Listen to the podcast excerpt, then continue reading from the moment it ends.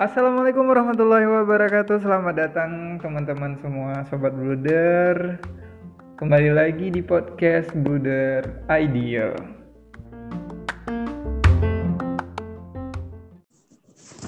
Oke.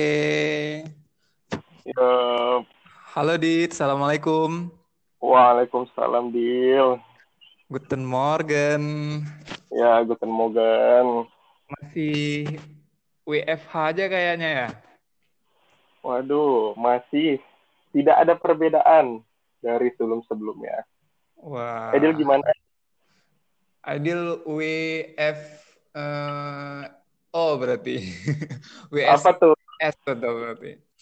Karena setiap WFO hari apa tuh? Adil ke sekolah. Oh. Kerjanya Oh, memang di, ya. di sekolah gitu. Hmm, hmm, hmm, hmm. Nah, kalau di rumah pun em Adil termasuk orang yang kalau misalnya di rumah tuh tempat menurut Adil tempatnya males-malesan, tempatnya ngobrol sama orang rumah gitu kan. Sama Hmm, hmm, keluarga gitu. Tapi kalau misalnya kerja ya kerja gitu. Lebih Oh. lebih kayak gitu sih pola polanya.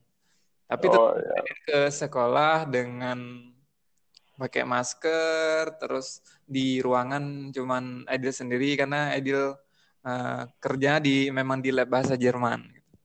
Hmm, hmm, hmm. Tetap Jadi kurang mengikuti ini ya, aturan ya tetap pemerintah gitu. benar. Jadi tetap mengikuti aturan pemerintah lah kurang lebih. Oke, Mantap. berarti Radit kabarnya itu masih di rumah aja nih ya. Nah, Masih eh, tidak ke mana-mana. Ngapain aja Dit selama di rumah aja ini? Atau ada tambahan kegiatan mungkin dari eh, pertama di rumah aja udah banyak nih ngerjain aktivitas yang harus dipindahin ke rumah aja, misalnya baca buku atau Oh, apa pun itu. Nah, oh, akhir-akhir oh. ini kan kita lagi banyak webinar nih, Dit. Oh, Webinarnya itu eh, apa ya? Di sana sini dan beraneka ragam. Nah, kira-kira Radit punya ketertarikan juga nggak untuk ikutan webinar? oke. Terima kasih, Dil. Eh, sangat tertarik eh, jadi dulu itu sebelum work from home apalagi sebelum wabah covid ini muncul Hmm? aku memang udah inilah bisa dibilang sering ikutan seminar bahkan seminar online Eh, dulu itu eh, orang nyebutnya ada dua versi gitu menurut aku ada seminar online ada webinar dan dominannya itu biasanya di grup WhatsApp tuh di grup WA Nah, jadi cara pemaparan dan penyampaian dari narasumber itu hanya berdasarkan ketikan gitu. Atau enggak eh, paling mentok-mentok pakai voice note. Nah, semenjak sekarang wabah muncul, habis itu aplikasi apa sih namanya em, yang inilah apa untuk untuk teleconference mulai bermunculan, itu baru muncul yang namanya webinar. Dan di mana akhir-akhir ini yang dominan itu webinar yang tatap muka dan bahkan bisa ngumpulin audiens, ngumpulin penonton itu sampai puluhan, ratusan bahkan ribuan gitu. Nah, jadi aku lihat kayaknya eh, sekarang webinar atau seminar online ini sepertinya polanya seperti ini yang di mana tatap muka terus audiensnya bisa bahkan melebihi 100 atau 200 karena setahu aku dulu waktu seminar online yang masih voice note itu maksimal dari grup itu 250-an deh 256 kalau nggak salah. Itu udah plus sama adminnya. Dan di sana ya kita nggak bisa ngelakuin yang tatap muka paling cuma eh, apa berdasarkan voice note atau mungkin kalau kita mau nanya cuma diketik eh, dan sekarang ya menurut aku polanya atau patternnya udah berubah gitu. Ah karena mungkin work from work from home sedang digaungkan atau sedang digalakkan webinar webinarnya muncul dan temanya bervariasi yang awalnya itu kebanyakan gratis misalkan kayak musik Ah, biasanya itu eh, apa ya istilahnya embel-embelnya itu tentang charity donasi gitu. Jadi misalkan kalau kita tonton gratis, nah, terus ntar mereka buka QR code atau scan barcode gitu kan. Nanti kalau kita scan, biasanya terhubung ke platform eh, platform-platform ini gitu, eh, charity. Nah, setelah itu lama kelamaan udah mulai tuh ada yang webinar gratis, ada yang webinar menurut aku premium gitu. Nah, jadi biasanya bayar 25 ribu atau mungkin 50 ribu. Nah, itu ntar audiensnya lebih dikit, tapi ntar oh, pembahasannya jauh lebih intens. Yang webinar gratis mungkin 30 menit atau sejam, yang mungkin bayar kita bisa dapatin 2 jam sampai 3 jam gitu. Nah, jadi aku selama work from home ini, ngisi waktu uh, sekarang ya bukan hanya dari baca buku, ketemu sama keluarga juga, olahraga, uh, juga ikutin webinar gitu. Karena tiap hari ini banyak banget apalagi yang gratis gitu.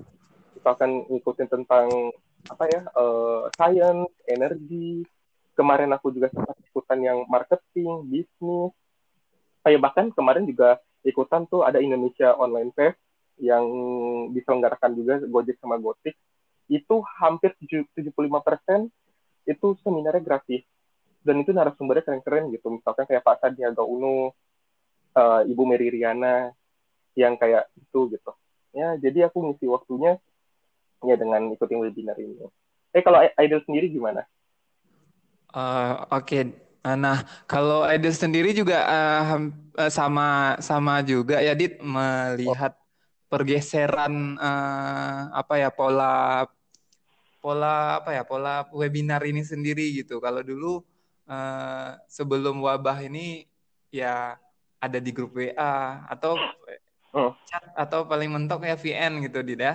Nah, tapi oh, kalau oh, oh. sekarang itu kita, uh, eh, kita lebih bisa interaktif dengan pematerinya dan juga kita bisa lihat langsung gitu. Memang uh, eh, yeah. apa memang bergeser.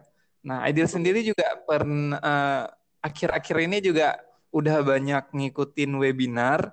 Uh, memang bidangnya beda-beda ya. Ideal lebih uh, suka atau lebih lebih banyak ngikutin webinar-webinar untuk guru-guru bahasa Jerman karena uh, menurut Aidil itu penting untuk terus menjaga apa ya semangat agar uh, Aidil terus improve kemampuan Aidil sendiri gitu. Oh. Selain itu juga Aidil juga uh, ikutin ini sih sebenarnya webinar-webinar tentang keuangan syariah. Kenapa? Karena Aidil kan lagi nulis skripsi juga nih. Oh, oh, Jadi uh, dua dua jen, apa ya dua bidang yang berbeda tapi itu yang paling sering Edil cari dan Edil ikutin webinar selama uh, apa ya PSBB inilah gitu. Oh. Nah uh, sebelumnya tadi Radit sempat sempat singgung tentang seminar online dan webinar. Nah, oh. yang Edil pahami itu kedua istilah itu sama. Nah, oh. kalau yang Radit pahami gimana? Kalau aku dulu uh, menganggapnya sama. Eh, kalau dulu nih sebelum wabah, uh, jadi ada orang yang buat seminar online, online ada yang ngebuat webinar. Tapi umumnya aku lihat seminar seminar online.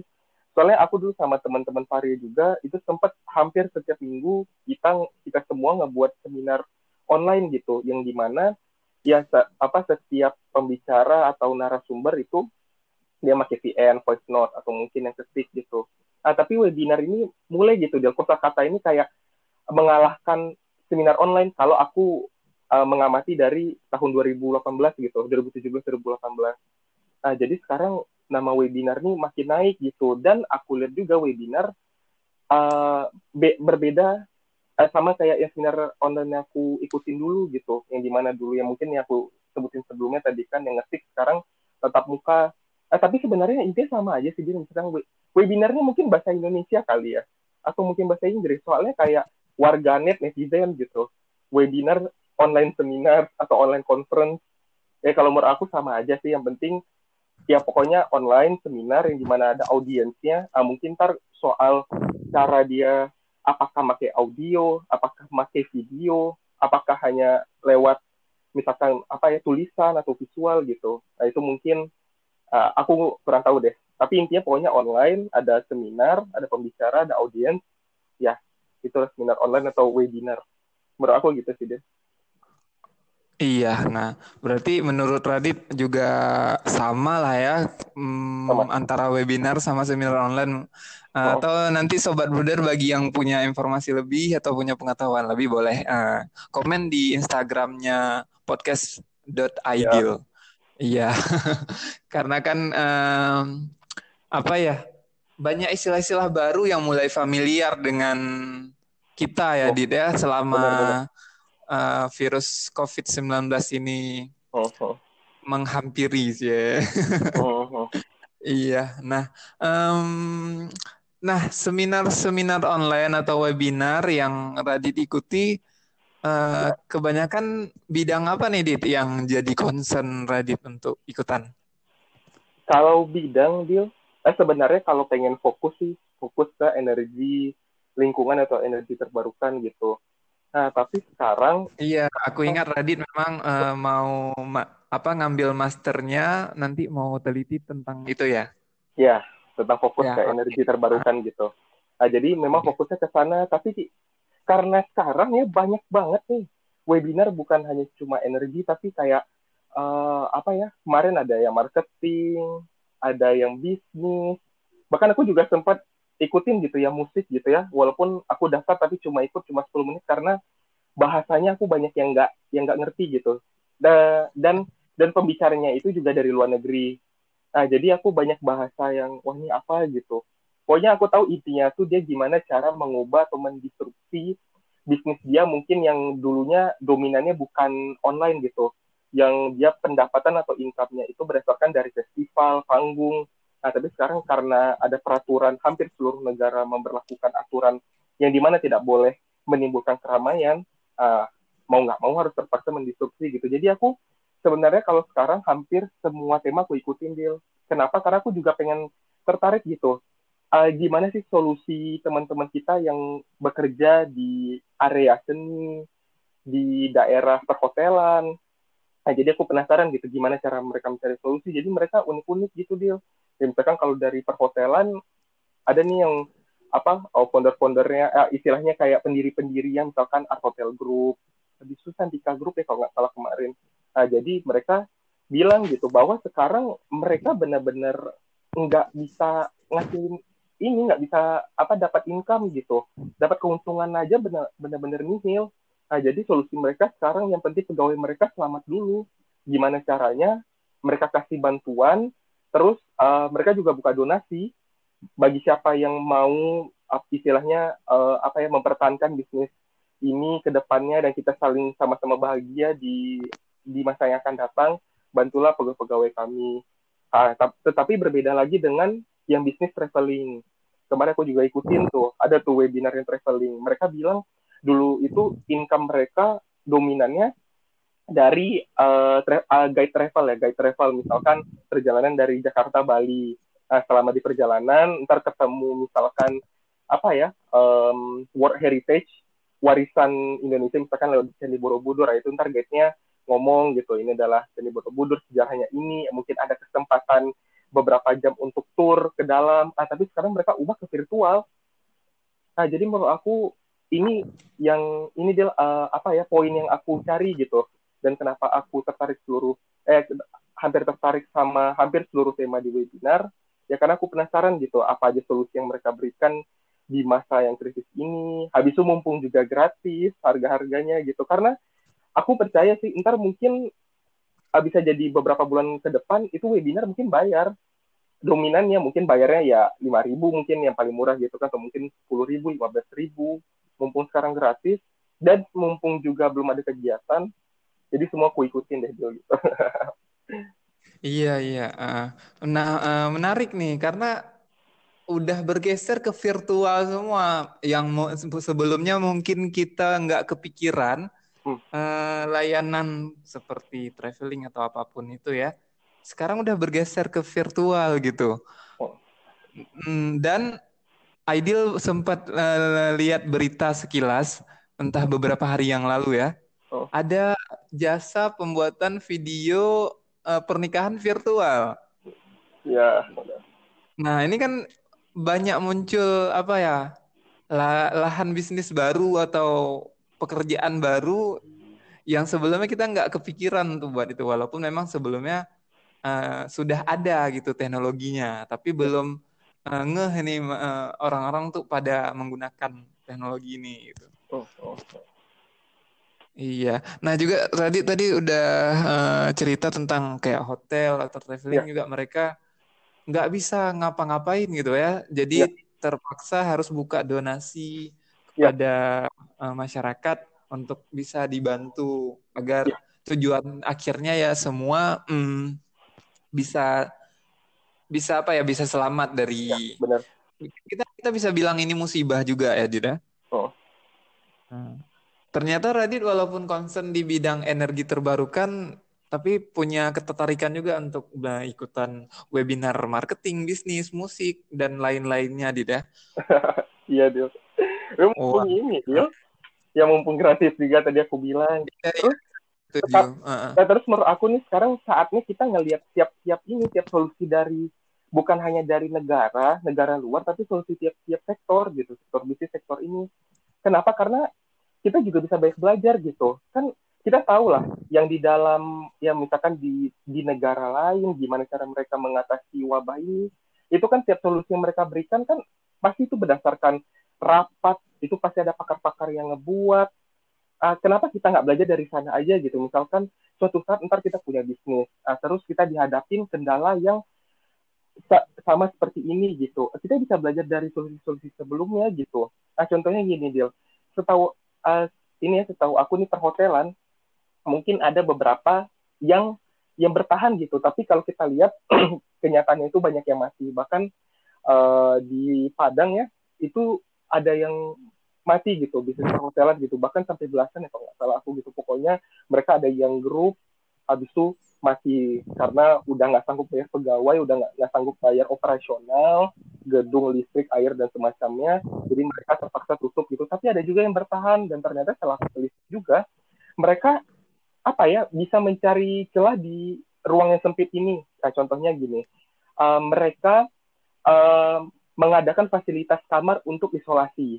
Misalkan nih, anggaplah uh, ini hotel di Padang, ini ada pendatang atau mungkin nih uh, apa ya istilahnya perantau yang dia kuliah di Jakarta, kuliah di Pulau Jawa atau di Sulawesi, balik ke Padang karena kuliah udah beres atau kuliahnya udah online, uh, tapi di Padang dia tidak punya kamar di rumah, dia tidak punya ruang untuk isolasi selama dua minggu. Nah, tetapi ada hotel di Padang yang menyediakan fasilitas itu selama 14 hari. Bayarnya cuma satu juta berapa dia? Anggaplah satu setengah juta ya kalau nggak salah. Itu mereka full, pokoknya nginep selama dua minggu dan makan dikasih itu yang pertama kuliah. Yang kedua, yang bisnis hotel juga yang bertahan itu mereka yang kerjasama sama bidang medis. Karena kan bidang medis ini bisa dibilang garda terdepan gitu yang menghadapi uh, saudara-saudara kita yang terkena corona. Uh, jadi yang yang tenaga medis ini yang perlu untuk mensterilkan uh, pakaiannya atau mungkin dia perlu istirahat uh, apa dia perlu istirahat nggak harus balik ke rumah dalam waktu beberapa hari. Uh, jadi hotel ini kerjasama jadi hotel ini kerjasama dengan tenaga-tenaga medis. Jadi tenaga medis bisa istirahat dulu di hotel tanpa harus mencemaskan tertular dengan keluarganya. Bisnis hotel juga hidup. Rumah sakit juga ya saling membantu lah gitu. Masyarakat rumah sakit juga membantu untuk kehidupan perhotelan ini. Ya, jadi aku lihat kalau orang yang bisa beradaptasi, yang mendisrupsi bisnisnya di masa krisis ini, yang menurut aku itu yang bertahan gitu. Tapi kalau yang hanya diam-diam, yang hanya apa hmm. mengandalkan keajaiban nah paling ntar di masa yang akan datang ini bisa pulih. Kalau menurut aku itu kecil kemungkinannya karena mau nggak mau ini akan istilahnya kalau orang sering nyebut sekarang the new normal gitu penormalan yang baru gitu. Jadi semua orang akan pakai masker bahkan yang nggak pakai masker orang akan dijauhin gitu. Ya jadi menurut aku harus jeli sih untuk ngelihat peluang ini gitu Iya, nah kemampuan adaptasi memang sangat penting ya oh. uh, untuk kita menghadapi the new normal ini. Karena yang namanya dunia ini atau uh, lebih khususnya itu dunia bisnis selalu dinamis. Kita harus mau nggak mau harus ngikutin uh, apa ya keadaan gitu ya. Oke, nah uh, bicara tentang pahlawan garda terdepan nih, Dit ada yang ada cerita yang agak miris sih yang aku baca dan aku lihat juga di beberapa berita. Uh, ini agak miris gitu. Jadi misalnya kayak seorang perawat, seorang dokter, dia pulang ke rumah gitu. Nah, tapi dia seperti di di apa ya ditolak sama lingkungannya gitu. Oh, iya, uh, nah, ini kan menarik juga jadi apa ya? Jadi bahan diskusi kita di mana ternyata uh, apa ya masyarakat kita itu masih uh, masih apa ya maksudnya masih butuh banyak uh, belajar tentang bagaimana memperlakukan orang lain tentang bagaimana melihat ini itu bukan cuman sekedar masalah dia sendiri gitu kan. Jadi kayak uh, uh, ini ada cerita memang cerita dari temanku dia baru pulang dari luar daerah dan begitu sampai di Aceh uh, dia sempat demam. Nah, jadi tetangganya itu tidak membangun komunikasi sama sekali, sengaja pergi mengungsi ke tempat lain. Nah, bisa kebayangkan uh, uh, per, apa perasaan atau uh, ya perasaan temanku ini yang di mana padahal dia cuman baru pulang dari luar daerah dan dia tidak difonis sama sekali uh, positif COVID karena memang demam biasa sudah di uh, sudah dap, sudah dicek ke rumah sakitnya gitu karena memang dia langsung ngecek ke rumah sakit oh. tapi uh, lingkungan sosial yang yang muncul atau apa ya uh, respon yang muncul dari lingkungannya itu beraneka ragam gitu. Oh. Uh, nah, jadi menarik juga nih uh, sampai Aidil dengar cerita Radit barusan kalau misalnya kita punya pandangan atau perspektif untuk bisa melihat celah ya yang hotel bagi banyak pemikiran bahwa hotel itu nggak bisa bangkit atau nggak bisa bergerak di masa COVID seperti ini, ternyata mereka bisa melihat celah menyediakan tempat untuk si isolasi. Keren sih pemikirannya. Benar-benar. Karena memang uh, apa dari dari pemikiran dan rapat-rapat atau diskusi mereka bisa menghasilkan ide yang bagus ini. Wah, keren ini Dit kita diskusinya tentang corona nih Dit, bukan main-main nih. Iya, Dil, uh, bener. Iya. Ini menyambung cerita yang Aidil sampaikan barusan. Wih, itu banyak banget, Dil, yang tidak menerima gitu istilahnya jadi jauhkan atau mungkin dikucilkan di lingkungan masyarakat. Bahkan ada juga yang diusir gitu. Dan yang diusir ini bukan main-main istilahnya kayak dokter perawat atau mungkin juga ada perantau gitu. Kalau menurut aku uh, untuk yang perantau nih terutama uh, mungkin uh, aku pun ini juga sebagai masyarakat mungkin juga cemas gitu. Ini ada perantau dari zona merah apalagi kalau dia datang dari zona merah gitu. Misalkan kayak Jakarta Jawa Barat. Dan dia balik ke kampung atau ke kota asal, misalkan di Pulau Sumatera atau di mana gitu. Nah, kalau menurut aku wajar aja sih misalkan masyarakat takut apalagi dari zona merah. Kenapa? Ya karena kita tahu kandil iya. ini penyakit beda gitu. Karena mereka bukan hanya jangan bersin, droplet aja, air liur aja muncrat istilahnya kena ke bagian area yang terbuka atau mungkin terhirup sama nafas kita gitu. Itu potensi penularannya besar gitu. Uh, jadi ini kalau menurut aku berbeda dengan penyakit yang lain. Ah tapi uh, kecuali misalkan kalau saudara-saudara kita ini punya surat apa ya surat sehat bebas COVID, misalkan dia udah di tes swab swab test atau mungkin uh, rapid test, uh, itu kalau menurut aku bisa jadi pertimbangan lah gitu. Tapi asalkan sampai dia di kampung asal itu diisolasi menurut aku. Kenapa? Karena mungkin dia bisa saja tesnya di rumah sakit Jakarta atau Bandung. Nah, tapi kan pada saat perjalanan di pesawat, menunggu koper, perjalanan naik bis ya kita kan nggak tahu gitu apakah mungkin ada virus yang lengket di bajunya, di celana. Iya, Atau betul. Mungkin dia istilahnya itu OTG ya, orang tanpa gejala. Ya mungkin dia a carrier. Nah, jadi uh, dia udah positif, uh, tapi belum kedetek aja penyakitnya gitu. Uh, jadi menurut aku memang diisolasi gitu. Ah kemarin juga ada nih Dil, yang menurut aku juga solusi yang harusnya ya, menurut aku sih pemerintah harus mempertimbangkan solusi ini gitu. Dan sekarang kita tahu nih PSBB hampir di beberapa provinsi sudah diberlakukan, tapi masyarakat kita masih mungkin ada beberapa yang nekat untuk pulang gitu. Kita tahu lah faktornya. Yang pertama mungkin kangen keluarga, atau yang kedua mungkin mereka udah nggak ada penghasilan lagi di Jakarta iya, atau mungkin Pulau Jauh, jadi mereka mau nggak mau pusing-pusingan atau nekat-nekatan gitu. Nah, akhirnya sampai di kampung asal mereka. Harusnya menurut aku sebelum mereka nyampe ke rumah mereka isolasi di isolasi di mana? Di PK di SD di SMP itu aku kebayang oh ya benar juga ya. Padahal SD SD SMP SMA TK itu kan nggak aktif nih sampai sekarang. Kita tahu di sana ruangannya Iya. banyak kamar mandi ada. Ntar disiapkan misalkan aparat polisi tentara kalau misalkan ada yang nakal siapkan juga dokter di sana. Ah jadi masyarakat pun juga nggak akan ke daerah sana misalkan nih kan kalau di Indonesia kan biasanya terpusat ya tersentralisasi. Misalkan TK SD SMP SMA biasanya tuh berderet gitu. Misalkan satu daerah misalkan TK apa TK Tan Malaka SD Tan Malaka SMP Tan Malaka SMA Tan Malaka. Itu biasanya daerahnya nggak jauh tuh. ah, tersentralisasi. Hmm. mereka semua di sana aja di karantina. Jadi masyarakat pun masyarakat pun tahu oh daerah sini nih daerah daerah teman-teman kita yang diisolasi nih. Ah, jadi ntar orang yang jualan jangan dulu di daerah sana. Kita nggak usah dulu lewat daerah sana itu ntar dijaga aparat dijaga dokter jadi mereka bisa kedetek mereka bisa oh ternyata yang positif ya udah di karantina dulu 14 hari.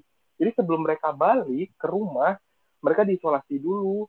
Kalau menurut aku gitu sih. Kalau untuk soal apa uh, memberi pengetatan jangan balik jangan balik ya tahulah warga kita gimana gitu dia kalau ada celah balik gitu. Gimana pun caranya gitu. Kalau menurut aku ya udah biarin aja tapi sampai di daerah mereka kalau bisa terapkanlah solusi ini gitu. Isolasi kasihlah ya ya makanan gitu. Ya bisa lah masak. Ntar ntar buat di sana tuh dapur ininya dapur umumnya di daerah sana. Jadi ntar apa ya distribusi makanan juga nggak perlu jauh-jauh. Pemantauannya bisa deket. Nah, kalau aku gitu sih dia uh, cara ininya gitu. Maksudnya uh, cara pandang aku gitu Iya, nah ini apa pandangan dari Radit melihat bahwa sekarang sekolah memang belum aktif, jadi kenapa ah, nggak ada salahnya untuk dimanfaatkan sebagai tempat isolasi gitu. Selain juga ada hotel yang menyediakan jasa Ya, itu tadi, Dit ya. Iya, ah, ah. Hmm, menarik nih. Nah, eh, dari beberapa webinar yang pernah Radit ikuti, webinar apa nih yang paling berkesan, yang paling membuat Radit me- tertarik untuk ikutan lagi tentang bidang itu gitu.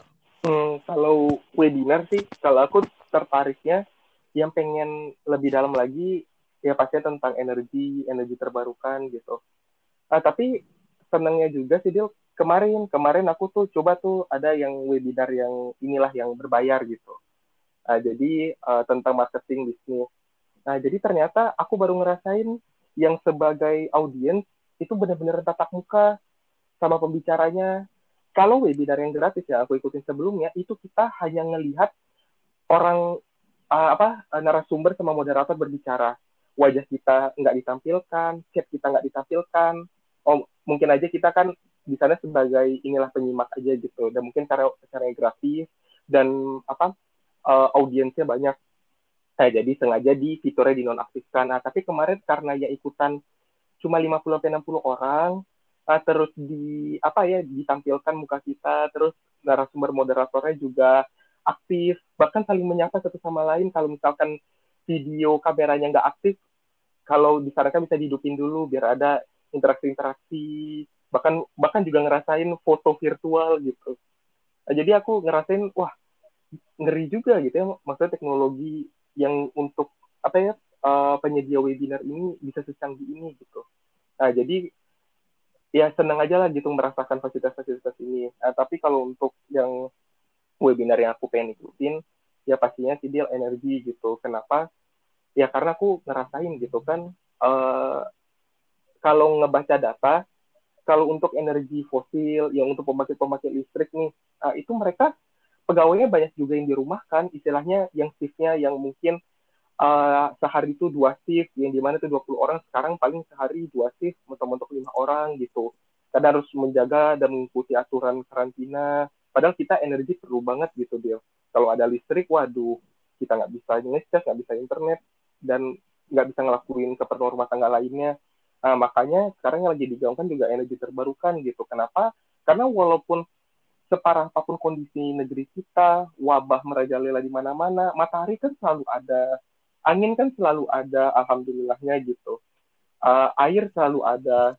Nah, kenapa kita tidak yeah. memanfaatkan ini gitu? Dan kalau misalkan Aidil mau pelajari lebih lanjut, itu ada juga energi mandiri gitu.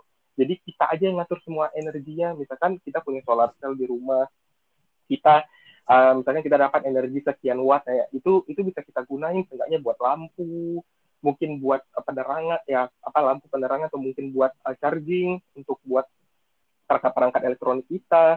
Nah, ntar biasanya kalau energinya sudah melebihi, sudah ditampung baterai, mau kita jual, itu bisa. Nah, tapi itu yang itu aku kurang tahu deh apakah teknologinya bisa diterapin di beberapa kota Indonesia gitu. Tapi kalau di luar negeri itu udah bisa. Kita punya energi, kita misalkan kita punya solar cell banyak, habis itu kita udah pakai ini wah udah udah cukup lah yang kita pakai tapi energinya masih banyak tuh nah, kita jual tuh bisa tuh nah itu ntar ada lah teknologi teknologinya gitu Bill. Nah kalau aku sih ya pengennya mendalami ini gitu. Karena ini bisa jadi uh, maksudnya masa depan bakal gunain yang hal-hal yang kayak beginian ya ketika ntar di mana listrik dari batu bara itu udah nggak tersalurkan grid atau transmisi yang mungkin bermasalah ah, tapi matahari selalu ada di setiap hari ah ya udah kita manfaatin gitu. Kalau orang ah bisa bisa aja nih dia kalau menurut aku nih ya ini prediksi aku bisa saja ntar orang yang bertahan hidup yang ya misalkan yang terutama yang punya listrik berkecukupan di masa depan mungkin orang yang punya perangkat energi terbarukan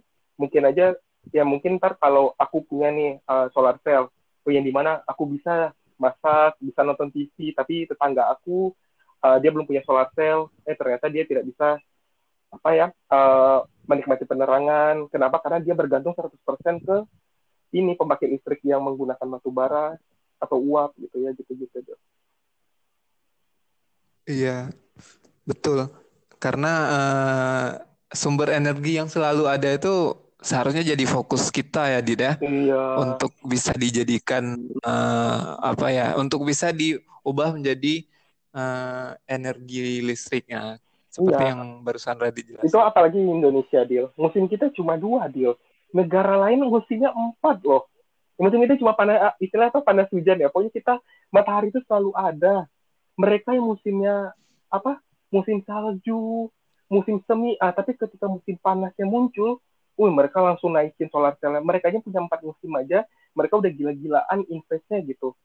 Harusnya kita yang dua, yang kita cuma punya dua musim, harusnya investnya lebih gila-gilaan dong uh, tapi ya mungkin ada yeah. ini faktor-faktor tertentu gitu deh yang menghambat ini. Iya betul. Kan uh, aku sedikit cerita waktu aku ke oh, Jerman oh. itu se aku kan ke Jerman waktu summer. summer. Nah, di summer itu setiap atap rumah di di pedesaan nih, yeah.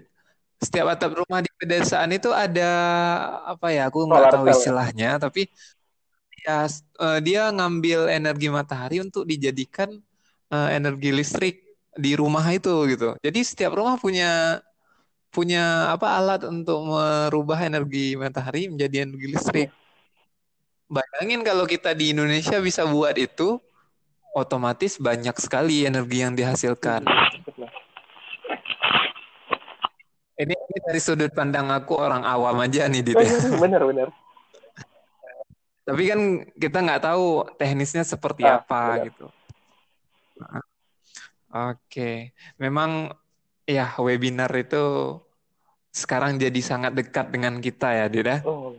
Ya mungkin sebelumnya kita kita udah uh, udah familiar lah dengan webinar atau seminar online, tapi makin ke sini kita makin dekat dengan yang namanya seminar online atau webinar. Hmm. Oh, oh benar. Oh iya, ini dia iya. uh, ngomong-ngomong ini dia, aku lupa nih webinar yang ideal ikutin iya. akhir-akhirnya apa juga gitu. Gimana? Webinar yang ideal ikutin mungkin dalam beberapa hari ini atau beberapa minggu ini selain dari yang apa tadi dia kan ideal memang fokusnya untuk skripsi untuk ekonomi syariah. Mungkin ada webinar yang lain kali tentang apa kebudayaan atau mungkin bisnis atau mungkin apa gitu. Oh iya, Nah, webinar yang aku ikutin eh, itu memang kebanyakan concern aku kan di dua bidang ini. Nah, yang mau yang paling berkesan sih aku terakhir kemarin ikutan webinar tentang pendidikan di Eropa. Nah, mereka juga ngerasain efek dari apa ya COVID-19 ini. Terus ceritanya itu uh, sebenarnya pematerinya me, apa ya membawa kita untuk me, membuka sudut pandang baru di mana akan ada banyak profesi yang akan muncul, maksudnya pekerjaan yang akan muncul secara virtual mungkin untuk orang untuk guru-guru bahasa Jerman khususnya. Nah, jadi aku kan backgroundnya bukan bahasa Jerman nih, tapi teman-teman di webinar yang ikutan rata-rata memang lulusan S1 bahasa Jerman. Dan ada sebagian yang sedang melanjutkan S2 pendidikan bahasa Jerman. Di Jerman kah atau di Swiss gitu. Nah, jadi di sini uh, pematerinya lebih ke uh, lebih kepada memberikan pandangan bahwa nggak cuman sekedar jadi guru loh profesi kita itu yang yang mendalami bahasa Jerman tuh banyak bisa aja kamu uh, menjadi jurnalis menjadi pokoknya dibuka wawasan untuk untuk bisa bergerak ke berbagai bidang jangan cuma fokus dengan uh, dunia mengajar hmm. oke okay, oke okay.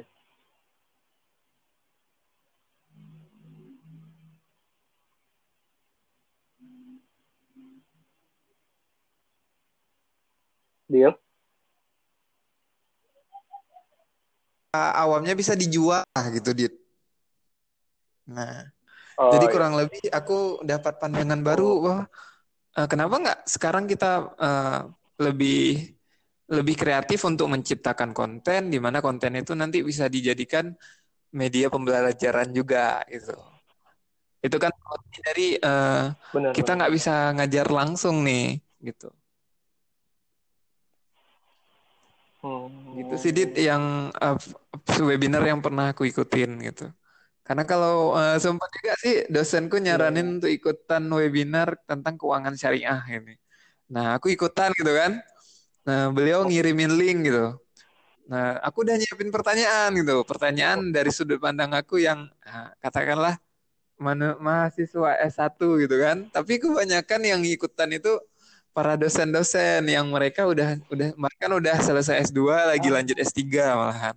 Nah, ketika ada kesempatan untuk nanya uh, kan mereka pada nanya nih. Pertanyaan mereka tuh memang udah diketikin dan uh, apa ya? Mereka punya argumen dulu terus baru nanya gitu kan. Sedangkan aku pertanyaan itu baru dua kalimat gitu. oh. gitu. Jadinya aku minder gitu. Ini sebenarnya nggak patut dicontoh sih kalau misalnya kita punya semangat belajar yang tinggi ya uh, nggak harus jadi apa ya hambatan gitu kan tapi jadinya wah ini udah masuk banyak pertanyaan dari dari para dosen nih ya udah aku nyimak aja gitu aku mundur karena uh, pertanyaan aku juga akan muncul jawabannya ketika beliau menjelaskan pertanyaan satu dosenku gitu. Iya. Benar Tapi banget. intinya Benar sih banget. dapat pandangan baru gitu. Kalau misalnya kayak dunia perbankan sekarang juga mereka mulai bergeser mulai lebih cepat bergeser ke aplikasi-aplikasi untuk melayani nasabahnya. Nah, uh, jadi uh, seperti bank-bank syariah sekarang juga mulai meng, apa ya me, meningkatkan layanannya untuk untuk uh, bidang aplikasi-aplikasi gitulah. Misalnya kayak um, nasabah nggak harus langsung ke bank lagi gitu.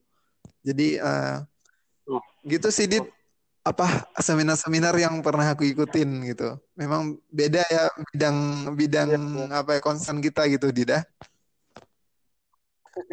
Oh beda banget dia. Ah tapi ujung ujung ujungnya ntar berhubungan juga karena ntar energi ini ntar bakal berkaitan iya sama ekonomi.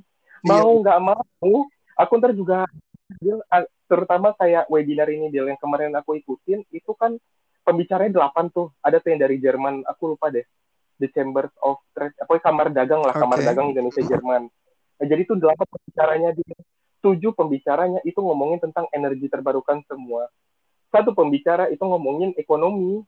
Wah aku eh, gimana cara berinvest? Aku ya aku paham cuma bank doang. Eh, dan dia nyebutin bank yang bisa istilahnya kalau mau menginvest di energi, energi terbarukan dia sebutin lah. Mungkin itu kerjasama juga banknya tuh ya dia sebutin bank ini bank ini bank ini terus bahasa-bahasa yang dia gunakan tuh banyak yang nggak awam di aku gitu. Tapi mau kalau misalnya kita udah terjun ke dunia sana otomatis ekonomi harus kita pegang gitu iya prinsip-prinsip ekonomi. Uh. ya kayak net and demand gitu ya pasar gitu kan the, the invisible hands ya banyak lah likuiditas. Apa ya, pokoknya aku cuma nyerap dulu aja pokoknya bodo amat gitu. Ini iya.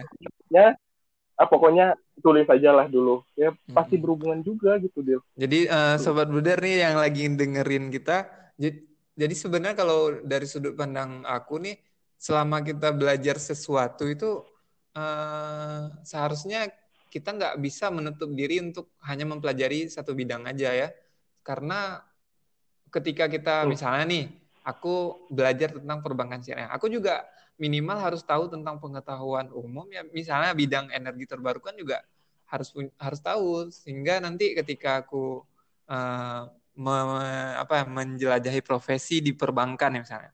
Misalnya ngajuin kredit eh, ada yang ngajuin kredit oh. atau kita mau memberi memberikan uh, pembiayaan kalau bahasa di syariahnya. Pembiayaan. Kan oh, oh. ada bidang-bidang yang harus kita pahami juga. Nggak cuman tentang keuangan syariah pastinya. Oh. Begitu juga uh, yang barusan Radit uh, bilang bahwa Uh, kalian juga belajar ekonomi pastinya, Dit ya? Nah, saling iya, berhubungan sih karena kita itu. hidup berdampingan, Dit ya? iya. Uh, wah, uh, aku belum sempat kontak Kak Ipah nih. Memang beliau sudah sibuk sekali nih. Ini rada, ini kita beranjak dulu nih ya, refresh dulu soalnya pembahasan kita juga lumayan berat nih tadi. Udah ngomong corona, ngomongin yeah, iya. webinar, yeah. energi terbarukan, ekonomi, perbankan syariah gitu ya. Waduh. nah, jadi uh, uh, aku belum sempat ngontek Kak Ipah. Kenapa? Karena mungkin beliau juga oh. lagi sibuk ngajar online juga nih ya. Karena kan beliau ngajar di salah satu uh, pesantren di Aceh gitu kan. Nah, uh. beliau belajar online. Uh. Nah, aku pengen pengen banget sih ngumpul sama teman-teman kayak Kak Ipa terus ada beberapa teman yang yang udah mulai uh, ngon, uh, maksudnya udah mulai ngecat gitu. Kita maksudnya udah mulai komunikasi. Kapan oh. nih mau buka bareng? Ini kan udah 10 hari lagi mau lebaran gitu kan. Mau puasanya tinggal 10 hari lagi. Oh. Oh. Nah, tapi aku belum sempat uh, langsung komunikasi sama Kak Ipa. Terus ada kata apa kalimat atau statement dari temanku. Beliau tuh uh, Kak Ipahnya itu mungkin udah udah mabuk sama kursus online gitu. Bayang kalau Kak Ipah lagi lagi ngajar online gitu kan dengan gayanya Kak Ipah gitu. Jadi kita ngomongin Kak Ipah nih hari ini. Enggak, malah tadi yang aku kepikiran ini Kak Ipah ini sibuk ngajar online atau sibuk ngotak ngasih aplikasinya saking susahnya gitu. Aduh ini yang mana yang matiin mikrofonnya ya?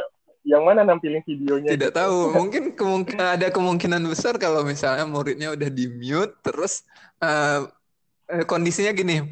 Uh, dia beliau ngajar gitu ngajar online terus muridnya semua di mute.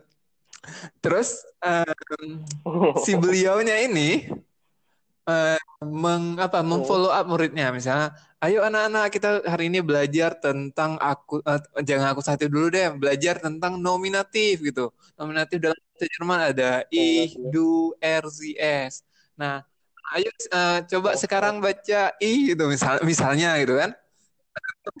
Nggak ada yang jawab gitu. Karena kan di mute tadi di mute tadi. Nah kalian kok nggak ada apa gitu nggak nggak jawab apa gue bilang gitu kan jadi jadi cerita lucu mungkin gitu kayak aku cuman meng apa ya men, mereka ulang cerita video lucu yang pernah dengar dan ini bukan oh. bukan terjadi sama Kaipa oh. pastinya jadi oh, oh. ada banyak cerita oh. yang uh, ini sih kalau untuk guru-guru yang ngajar online di apa di berbagai aplikasi. Ini pengalaman pribadiku di dah. Aku mau nge-share. Jadi aku ngajarnya itu satu jam gitu kan. Nah, jadi 10 menit lagi itu selesai gitu. Nah, kami memang tatap muka langsung. Uh, siswaku mereka hidupin semua kameranya baik di HP atau di laptop. Aku juga. Nah, jadi 10 menit lagi mau selesai aku masih dengan memaparkan materi, aku ngomong. Nah, ada salah satu siswaku dengan halusnya dia nyindir begini. Nyindirnya itu nggak ngomong, Dit. Kira-kira nyindirnya oh. gimana? Nyindirnya itu dengan mengarahkan kamera HP-nya ke jam, ke arah jam. Oh. Nah, jadi aku kan ngeliatin nih siswa-siswaku ada yang nyimak, ada yang lagi nulis, ada yang lagi mungkin lagi buka game di samping uh, uh, komputernya kan aku nggak tahu. Nah, ada siswa yang dengan yeah. sengaja dia mengarahkan uh, kamera HP-nya itu ke jam. Warna aku jangan udah oh. jangan banyak kali ngebacot lagi. 10 menit lagi kita udah selesai gitu. nah, jadi cerita lucu sih maksudnya. Ternyata biasanya kalau di kelas tuh dia pasti noleh ke jam ternyata bis, bisa dilakukan juga dengan oh. online gitu. Dia ngarahin sengaja ngarahin ke jam biar oh ini pemberitahuan nih.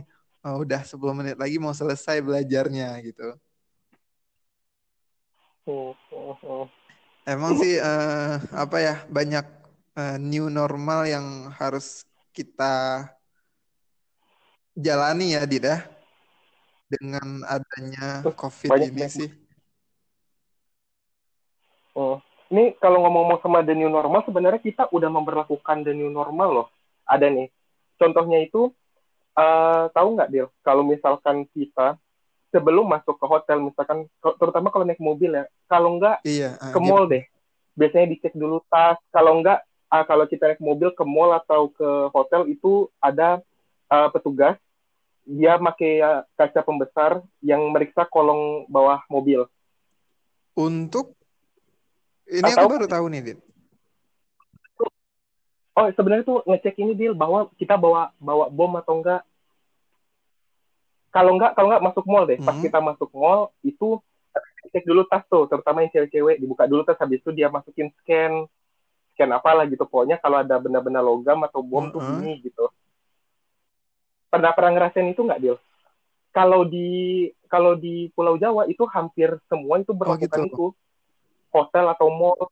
Ah, jadi itu sebenarnya itu udah the new normal. Ternyata aku baru tahu kasusnya itu karena uh, kasus terorisme di hotel JW Marriott yang apa JW Marriott sama hotel Ritz Carlton, semenjak kejadian itu barulah kita berlakuin sistem yang meriksa-meriksa itu.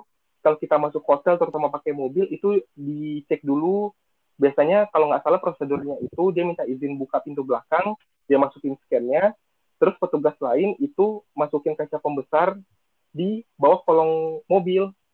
Itu kalau masuk hotel. Kalau masuk mall biasanya itu tas-tas dicek oh, so...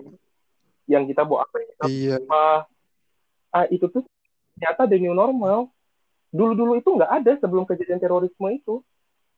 Dan sekarang kita udah biasa gitu. Kalau misalkan terutama masuk mall atau masuk hotel gitu dia iya. Nah jadi mungkin saja aktivitas yang kita lakukan sekarang ya de, banyak yang the new normal gitu. Tapi kita nggak nyadar aja oh ternyata karena kasus inilah kita melakukan ini. Nah, karena kasus ini kita melakukan ini gitu. Nah, karena corona inilah banyak yang terutama kayak kelas online tadi yang apa tadi? Ya banyak kelas online yang pakai masker ya dan yang aktivitas lainnya gitu Iya, Wah, new normal. Nah, gimana kalau uh, judul podcast kita kali ini The New Normal aja ya? boleh ya, The oh, New boleh, Normal. Oke, okay, uh, sobat bruder semuanya, apa The New Normal apa aja yang kalian uh, alami selama virus COVID-19 ini mewabah di seluruh dunia? Kalian bisa jawab di uh, Instagramnya podcast ideal podcast at podcast ideal nanti kita buka uh, ruang untuk berkomentar silahkan komentar uh, nanti bakalan Bruder Ideal bahas juga ya waktu Bruder buat rekam atau record podcast. Nah, uh, kira-kira ya. nih semangat apa yang bisa dibagiin teman-teman semua yang yang dengar kita podcast nih?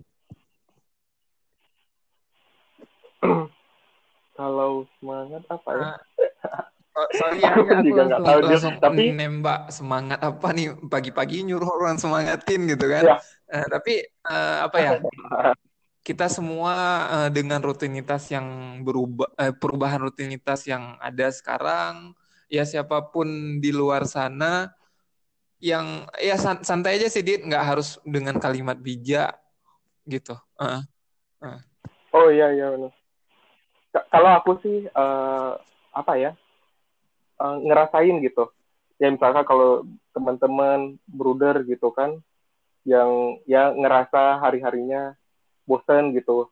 Ya kan banyak lah ya webinar-webinar yang diikuti iya, bahkan ya, kemarin Adil aku ingat juga tapi aku nggak ikutin tuh.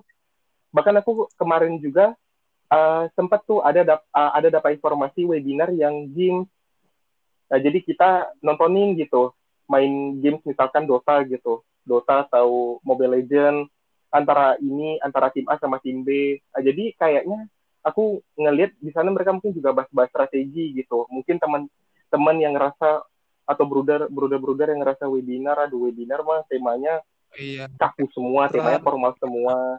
Nah, tapi tapi kalau ditelusurin lagi ada tema-tema gitu itu mungkin saja mereka juga bahas strategi-strategi di sana. Ah, dan sekarang juga ada profesi ini dia bukan profesi yang baru sih, ini sebenarnya profesi yang lama tapi karena munculnya uh, game online ini di Indonesia yang udah uh, menyebarlah menjamur ke mana-mana itu ada istilahnya itu caster.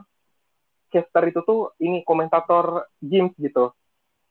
Uh, jadi misalkan ada tim A sama tim B. Uh, jadi mereka komen oh mereka pakai strategi ini mereka pakai hero ini mereka pakai karakter ini. Karakter ini kelebihannya kekurangannya ini gitu nah, itu juga ada itu di YouTube YouTube deal yang live. Ya misalkan live pertandingan ini sama ini. Indonesia tuh udah udah banyak tuh channel-channel oh, yang ngebuat iya. itu. Ya, misalkan perlombaan yang hadiahnya satu miliar gitu. Antar di beberapa provinsi misalkan ntar Aceh lawan Bandung. Udah tuh um, mereka pada saat tanding tuh ntar ada tuh yang komentator dua sampai tiga orang. Mereka banyak tuh ngebahasnya. Kadang-kadang juga ngebahas uh, sisi bisnis dari games apa apa keuntungan yang didapatkan jadi atlet uh, e-sport apa aja uh, ya fasilitas fasilitas yang didapatin e-sport misalkan kalau udah mewakili negara banyak gitu. Jadi misalkan eh kalau menurut aku sih segala semua sekarang bisa dipelajarin gitu. Nggak ada hal yang kayaknya yang yang nggak yang nggak bermanfaat menurut aku nggak ada gitu. Semuanya bermanfaat kok. Ya tergantung kita aja gimana cara ngejalaninnya apakah kita konsisten apakah kita disiplin. Itu yang game itu aja banyak banget keuntungannya kayak dari duitnya aja sponsornya gila-gilaan gitu. Biasanya sampai ratusan juta. Hadiahnya full price istilahnya tahu aku. Kalau nggak salah itu full price tuh kemarin tuh ada apa gitu turnamen apa full price-nya 500 juta. Kan setengah miliar kan ngeri gitu. Iya. yang hanya bermodalkan game mungkin zaman zaman orang dulu kan kalau ngelihat game aduh ini anak masa depannya nggak jelas gitu. Itu kan dulu.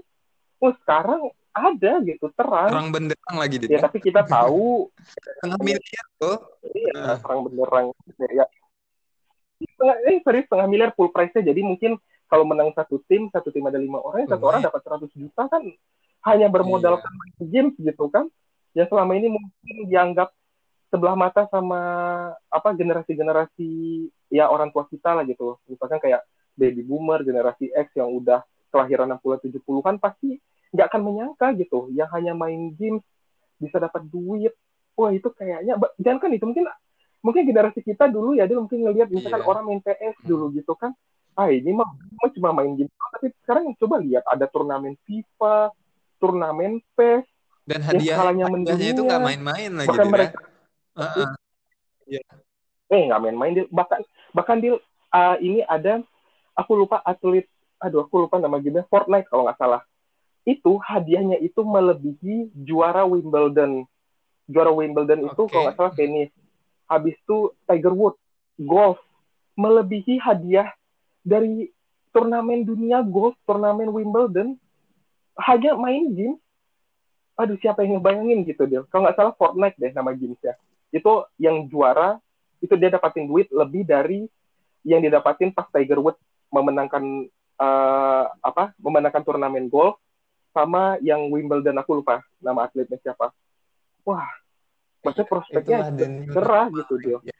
untuk yang main game gitu Iya, kalau menurut aku ya gitu. Yang sebelumnya mungkin kita uh, melihat sebelah mata untuk uh, sebuah game atau hanya sekedar permainan, ternyata kalau diseriusin juga hasilnya serius gitu, Dida. Uh -uh. Iya. Hmm, jadi oh, semua iya. uh, sobat brother yang mendengarkan di mana pun kalian berada, kalau uh, kalian merasa udah bosan dengan rutinitas itu-itu aja, kalian nggak bisa ke mana-mana, uh, coba deh kalian uh, menggabungkan diri untuk uh, masuk ke komunitas-komunitas yang kalian senengin.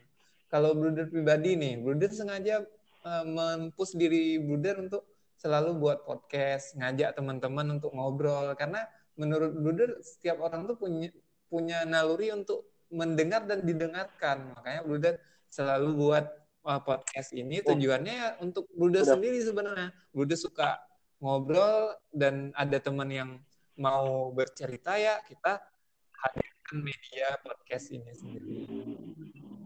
Iya. Nah, oke Dit, makasih ya, banyak lo waktunya. Ini podcast kedua kita, akhirnya kita udah ngobrol 54 menit nih. Oh, iya.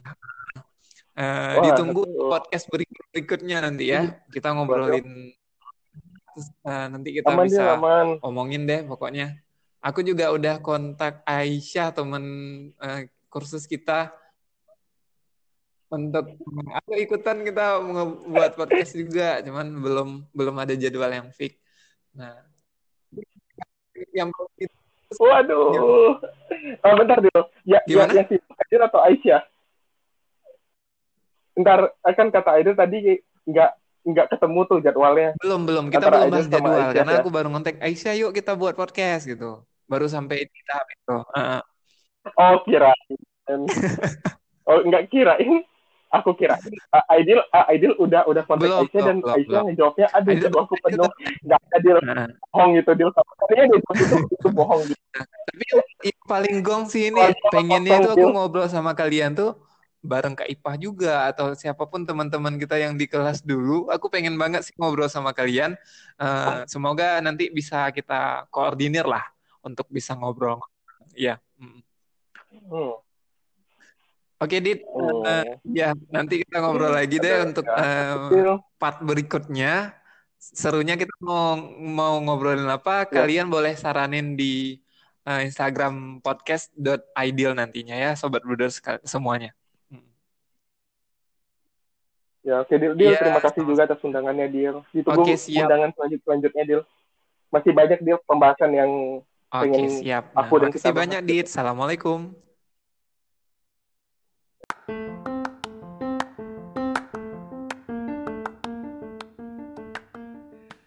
Sekian dulu ya podcast Bruder kali ini. Jangan lupa didengar dan di-share podcast Bruder. Uh, ingat tagline-nya Bruder jangan pernah takut untuk salah karena salah itu nggak benar. Hehehe. Sekian dulu. Assalamualaikum warahmatullahi wabarakatuh.